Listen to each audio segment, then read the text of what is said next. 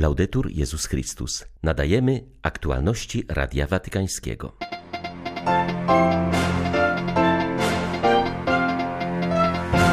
Papież udzielił pomocy finansowej dla Filipińczyków poszkodowanych przez tajfun oraz dla migrantów na polsko-białoruskiej granicy. Rozpoczyna się tydzień modlitw o jedność chrześcijan. Módlmy się razem i patrzmy na Jezusa, naszego jedynego Pana, napisał Franciszek, zachęcając do udziału w tej ekumenicznej inicjatywie.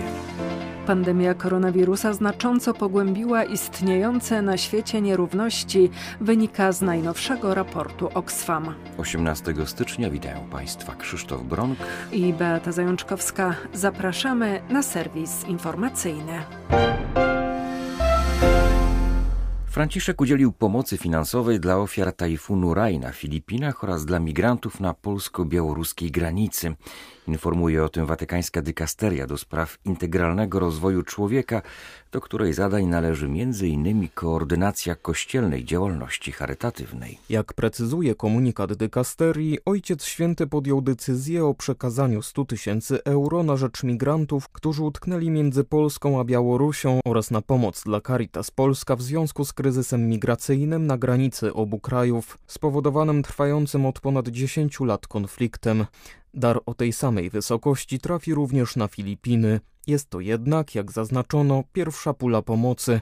Suma ta zostanie przesłana do kościoła lokalnego i przeznaczona dla diecezji najbardziej dotkniętych kataklizmem do wykorzystania w dziełach pomocy. Ma być to bezpośredni wyraz duchowej bliskości i ojcowskiego wsparcia wobec dotkniętych osób i terytoriów, o czym zapewnił papież po modlitwie Anioł Pański w niedzielę 19 grudnia. Watykan przypomina, że pomocy tej towarzyszy modlitwa w intencji umiłowanej ludności Filipin oraz mobilizacja kościelnych instytucji charytatywnych. Dziś rozpoczyna się tydzień modlitw o jedność chrześcijan. Papież zachęca do udziału w tej ekumenicznej inicjatywie swym wpisem na Twitterze.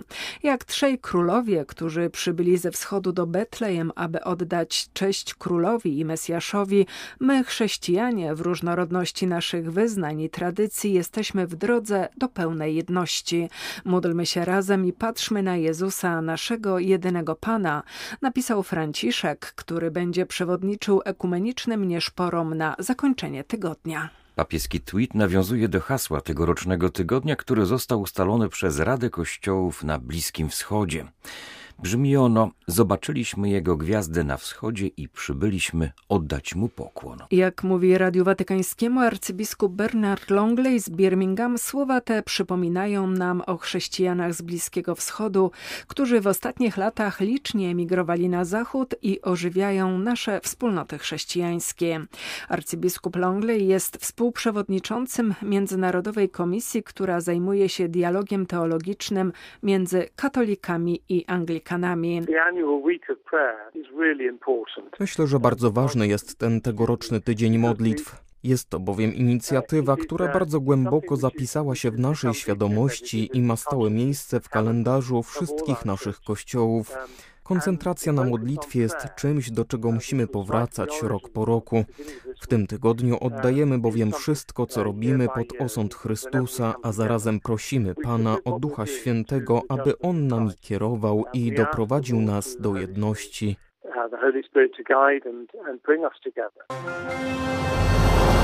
Watykan potwierdził, że dwaj najbliżsi współpracownicy papieża Franciszka są zarażeni koronawirusem. Kardynał Pietro Parolin ma lekkie objawy, natomiast arcybiskup Edgar Peña Para przychodzi zakażenie bezobjawowo. Obydwaj przyjęli trzy dawki szczepionki. Aktualnie przebywają na kwarantannie w swoich mieszkaniach. Zarówno Stolica Apostolska, jak i państwo watykańskie wprowadziły nakaz szczepień dla wszystkich pracowników, a także osób odwiedzających i współpracowników. Wprowadzone normy stanowią, że do instytucji watykańskich można wejść jedynie po okazaniu paszportu covidowego uzyskanego w wyniku szczepień lub jako ozdrowieniec. W pomieszczeniach zamkniętych obowiązuje również nakaz zakaz noszenia maseczek FFP2. Wymóg posiadania paszportu covidowego nie dotyczy osób uczestniczących w watykańskich liturgiach oraz audiencji środowej. Wizyta ad limina to nie zeznania przed sądem czy obrona doktoratu. Z papieżem rozmawialiśmy jak bracia z bratem, mówi przewodniczący episkopatu Hiszpanii, podsumowując zakończoną właśnie wizytę drugiej grupy hiszpańskich biskupów. Goszcząc siedzibie watykańskich mediów, kardynał Juan José Omelia przyznaje, że z papieżem rozmawiali o tym, co najbardziej niepokoi dziś Kościół w tym kraju. Zdaniem metropolity Barcelony głównym problemem Kościoła w Hiszpanii jest dziś z jednej strony postępująca sekularyzacja i wyzwanie ewangelizacji. Druga seria problemów wiąże się z kryzysem małżeństwa, forsowaniem alternatywnych wizji rodziny oraz zapaścią demograficzną, która ma również wpływ na życie Kościoła. O tym wszystkim biskupi rozmawiali w watykańskich dekasteriach oraz podczas audiencji u papieża, mówi kardynał Omelia. Ważne, że można prowadzić dialog i wyrazić własną opinię. Podczas spotkania z papieżem najbardziej uderzyło mnie to, że rozmawiał z nami jak brat z bratem. Każdy mógł zabierać głos, kiedy chciał. Był to dialog w rodzinnej atmosferze, jak ojciec z braćmi czy synami. Nie narzucał swojej władzy, kryteriów, teologii teologii, nie prawił nam kazań. U papieża zauważam dwie rzeczy. Pierwsza to bardzo głęboka wizja wiary oraz nadziei, która jest zawsze. Tym dodaje nam otuchy, bo to prawda, są suche drzewa, które upadają, ale są też zielone zalążki, które już kiełkują. Papież przekazuje nam właśnie tę nadzieję. Druga rzecz to jego doskonałe poczucie humoru. Nigdy go nie traci, nawet pośród trudności. W tym chciałbym go naśladować, być człowiekiem nadziei. Podczas wizyt w dykasteriach dobre wrażenie zrobiła na mnie panująca tam postawa. Nie było indoktrynacji czy pouczania, ale jest prawdą, że watykańskie dykasterie mają szerszą wizję Kościoła. Jest to takie ogólnoświatowe obserwatorium, które korzystając z posiadanej wiedzy może Ci pomóc. Trochę jak w relacji rodziców względem dzieci. Rodzic poucza, bo ma więcej doświadczenia. Ziemia Święta jest miejscem, w którym wspólnoty chrześcijańskie są najbliżej jedności. Skazuje na to ojciec Francesco Paton, podkreślając, że w tym regionie mniej mówi się teoretycznie o ekumenizmie, a bardziej praktykuje się jedność. Mimo istniejących trudności na Bliskim Wschodzie, jest wiele historii praktycznego braterstwa, mówi franciszkański kustosz Ziemi Świętej. Ojciec Patton wskazuje, że mimo kolejnych ran i konfliktów na Bliskim Wschodzie nie brakuje historii dobra, które tworzone są wspólnie przez chrześcijan różnych wyznań i wyznawców innych religii. Ten, kto opowiada o Ziemi Świętej, naprawdę musi zdzierać podeszwy swych butów, jak mawia Franciszek, by mówić nie tylko o cierpieniu i istniejących problemach, ale i o ziarnach dobra i nadziei na takich terenach jak chociażby Syria, gdzie wojna toczy się od ponad dekady, czy w Palestynie, której mieszkańców pandemia rzuciła na kolana. W Aleppo ważnym doświadczeniem była inicjatywa nadania nazwisk dzieciom, które urodziły się często w wyniku gwałtów ze strony dżihadystów i nie mając ojca nie miały przyszłości. Udało nam się je zarejestrować. Zaangażowali się w to przedstawiciele wszystkich wspólnot chrześcijańskich oraz lokalny mufti. Było to bardzo ważne przedsięwzięcie, bo otwierało nową przyszłość przed tymi dziećmi. Prowadzimy też program pomocy dla młodzieży, która dorasta w czasie wojny i zna jedynie cierpienie, przemoc, zniszczenia i nienawiść. Są to znaki możliwego braterstwa, do szukania których zachęca nas papież w imię dobra najmłodszych. Robimy to wspólnie. W Ziemi Świętej mniej teoretyzuje się o ekumenizmie, a bardziej praktykuje się jedność.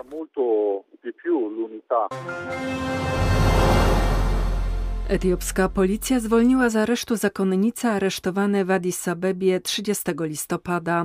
Sześć sióstr ze Zgromadzenia Córek Miłosierdzia Świętego Wincentego a Paulo i jedna Urszulanka w dobrym stanie zdrowia powróciły do swych domów zakonnych. Prewencyjne zatrzymania dokonywane z ramienia rządu w stolicy Etiopii mające na celu kontrolę instytucji międzynarodowych, które mogą współpracować z rebeliantami z Ludowego Frontu Wyzwolenia Tigraj dotykają wielu członków członków tego plemienia, w tym chrześcijan. Wśród przetrzymywanych w nieznanych miejscach tysięcy Etiopczyków nadal są dwaj diakoni i dwie inne siostry z Kobo oraz część Salezjanów zatrzymanych 17 listopada podczas policyjnej obławy w ośrodku wychowawczym prowadzonym przez zakonników. Aresztowanie etiopskich kobiet tigrajskiego pochodzenia doprowadziło do spekulacji, że rząd prowadzi kampanię przeciwko tigrajskiej grupie etnicznej, którą oskarża o pomoc i podżeganie rebeliantów. Pandemia koronawirusa znacząco pogłębiła istniejące na świecie nierówności, faworyzując tych, którzy należą do grupki 1% najbogatszych ludzi świata. Najnowszy raport Międzynarodowej Organizacji Oxfam, która zajmuje się walką z głodem na świecie i pomocą w krajach rozwijających, mówi wręcz o pandemii nierówności. Organizacja bije na alarm, że wykluczający system gospodarczy doprowadził do zwiększenia liczby ubogich na świecie o 163 miliony. Raport został opublikowany w związku z otwarciem prac Światowego Forum Ekonomicznego w Davos. Oxfam alarmuje, że za obecny kryzys najwyższą cenę płacą najubożsi. Przypomina, że co minutę na świecie 15 osób umiera z powodu braku dostępu do opieki medycznej, głodu i skutków zmian klimatycznych. Pandemia doprowadziła do znacznego pogłębienia się ubóstwa na całym świecie, mówi Radiu Watykańskiemu Eliza Bacciotti, dyrektor programów rozwojowych w Oxfam Italia. W minionym roku majątki 10 najbogatszych ludzi świata wzrosły o 821 miliardów dolarów, podczas gdy w tym samym czasie 163 miliony ludzi zaczęło żyć poniżej progu ubóstwa. Pokazuje to, że mimo ogromnie trudnego czasu pandemii na świecie wytworzono potężne bogactwo. Nie zostało ono jednak przeznaczone na rozwiązanie wielkich globalnych problemów, ale pozostało w rękach nielicznych wybrańców. Jest to rezultat złego systemu gospodarczego, który nadal pogłębia istniejące już podziały i generuje nowe ubóstwo. Najdobitniejszym przykładem tego, że dobro wspólne nie jest w stanie dotrzeć do najuboższych i najbardziej potrzebujących są obecnie szczepionki. Dotarły one jedynie do 1% mieszkańców krajów rozwijających się, a w ciągu tych dwóch lat firmy produkujące preparaty wypracowały zyski wynoszące 1000 dolarów na sekundę.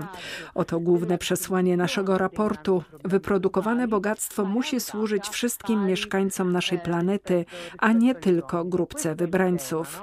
Trzeba niwelować nierówności, a nie coraz bardziej je pogłębiać.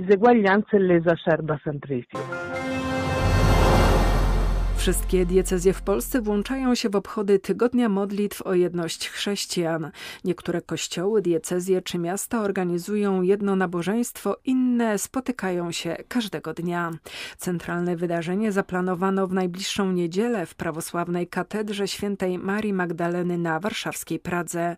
Kazanie wygłosi warszawski biskup pomocniczy Michał Janocha. Kościół rzymskokatolicki pragnie nie tylko dzielić się posiadanymi darami, ale także uczyć się od chrześcijan innych wyznań, zaznacza przewodniczący Rady Konferencji Episkopatu Polski do spraw ekumenizmu. Biskup Jacek Jezierski ma nadzieję, że inne kościoły chrześcijańskie włączą się w odbywający się w Kościele katolickim proces synodalny. Kościoły prawosławne mają ogromne doświadczenie synodalne od starożytności Biskup Jezierski zauważa, że od kościołów wywodzących się z reformacji możemy uczyć się z kolei zaufania do odpowiedzialności świeckich, a także wielu rozwiązań praktycznych. Ze specjalnym apelem zwrócił się do wiernych również biskup sandomierski Krzysztof Nitkiewicz. Wskazał na potrzebę modlitwy i wysiłków, abyśmy w dniu, który wskaże nam Duch Święty, mogli złożyć to samo wyznanie wiary i wspólnie sprawować Eucharystię.